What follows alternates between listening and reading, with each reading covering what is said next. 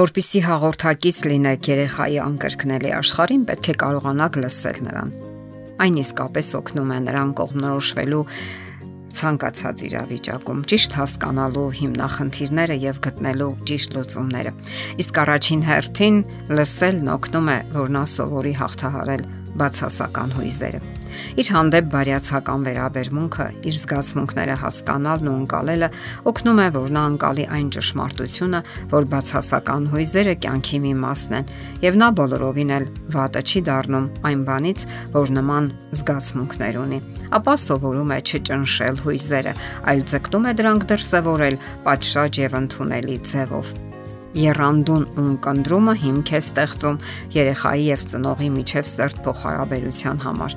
յուրաքանչյուրս էլ ցանկանում ենք զգալ, որ մեր ունկնդիրը լսում ու հասկանում է մեզ։ Այդ փորձառությունը մերձեցնում է ծնողին ու երեխային, փոխադարձ հարգանք ու վստահություններ շնչում։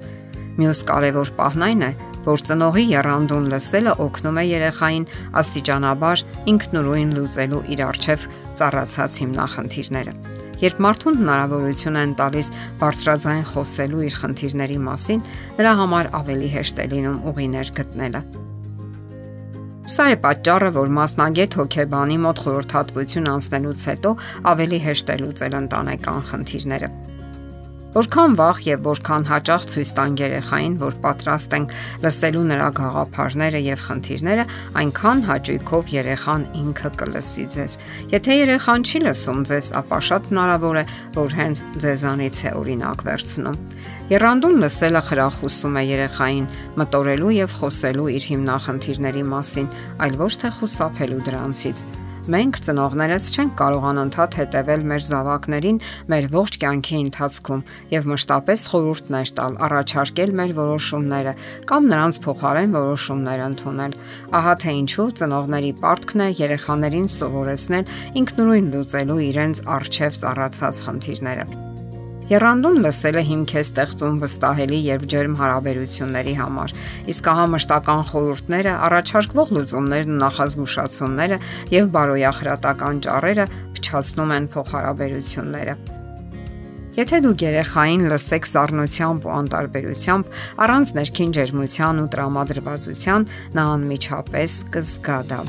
Ծնողի ձևական, մեխանիկական հակազդեցությունը կասկած ու դժգոհություն է առաջացնում երեխայի մեջ որpիսի լսել արդյունավետ լինի եւ իր արդյունքները տա,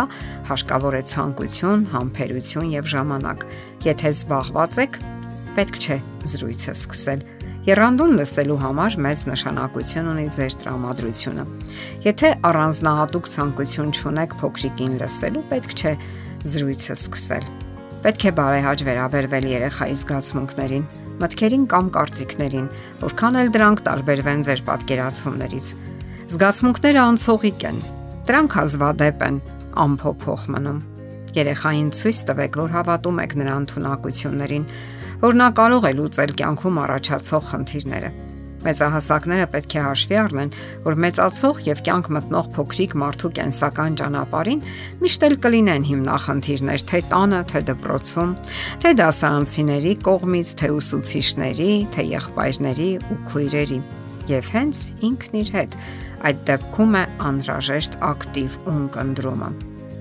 Երբ երեխան իմանա, որ կարող է ապավինել ձեր բարյացակամ վերաբերմունքին ու սատարմանը, որpիսի ինքնուրույն գլուխանի իր հիմնախնդիրներից եւ լուծի այն, ապա նրա մոտ կզարգանա արժանապատվության զգացում եւ վստահություն սեփական ուժերի հանդեպ։ Դրանով դուք կպաշտպանեք նրան այն տագնապալի ու շփոթահար վիճակից, որից տարապում են բազմաթիվ երեխաներ սակայն պետք չէ սпасել, ինչև առաջանա լուրջ հիմնախնդիր։ Օգտվեք ակտիվ լսելու արվեստից ամեն օր, որpիսի վերլուծեք յուրաքանչյուր աննշան պատահար, որը վշտացնում է նույնիսկ ամենափոքրիկ երեխային։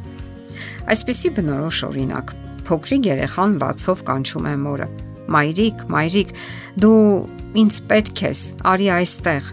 Ինձ թվում է դու ինչ որ բանից անհանգստացել ես, շտապում է պատասխանել մայրը։ Ես ցանկանում եմ, որ դու այսօր ինձ հետ քնես, շարունակում է լացել փոքրիկը։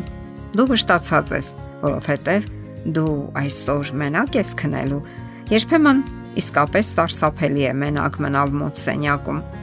Երբ երեխան իմանում է, որ մայրը ճիշտ է հասկանում եւ ընդունում իր զգացմունքները, անմիջապես հանգստանում է։ Այդ ըմբռնողությունը ավելի լավ է ազդում նրա վրա, քան փաստարկները։ Իսկ պակաս նրբանակած ծնողը գուցե ասեր. անմիջապես դադարեցրու լացդ, ոչ մի վախենալու բան չկա, դու արդեն մեծ աղջիկ ես, կամ Ինչ հիմարություն է վախենալ մթությունից։ Այստեղ հոհրեշներ չկան եւ ոչ էլ ուրվականներ։ Անմիջապես դադարեցրու կամակորությունդ։ Այսպես մենք կարծես շղթում ենք երեխայի իրական զգացմունքները եւ այնպիսի հրաման ենք արྩակում, որն անհնար է կատարել, քանի որ չկա մի այնպիսի մայր, որ կարողանա երեխային պարտադրել, որ նա չվախենա։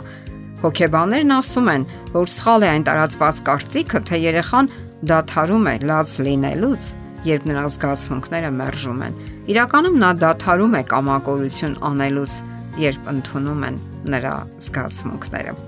Երեխաները հաճախ են լաց լինում այն նպատակով, որ շրջապատողներն ընդունեն իրենց ապրած ցավը, եւ երբ զգում է, որ ինչ որ մեկը հասկանում է իրեն, որպես կանոն հանգստանում է, դադարեցնում է լացը։ Իսկ ընդհանուր առմամբ լավ կլինի նշանակություն չտալ ոչ մեծ վախերին ու վիրավորանքներին եւ հնարավորինս parzesնել իրավիճակը։ Սակայն, եթե արկա է հիմնախնդիրը, ապա հարկավոր է parzapes լսել ու հասկանալ, լինել երեխայի հետ։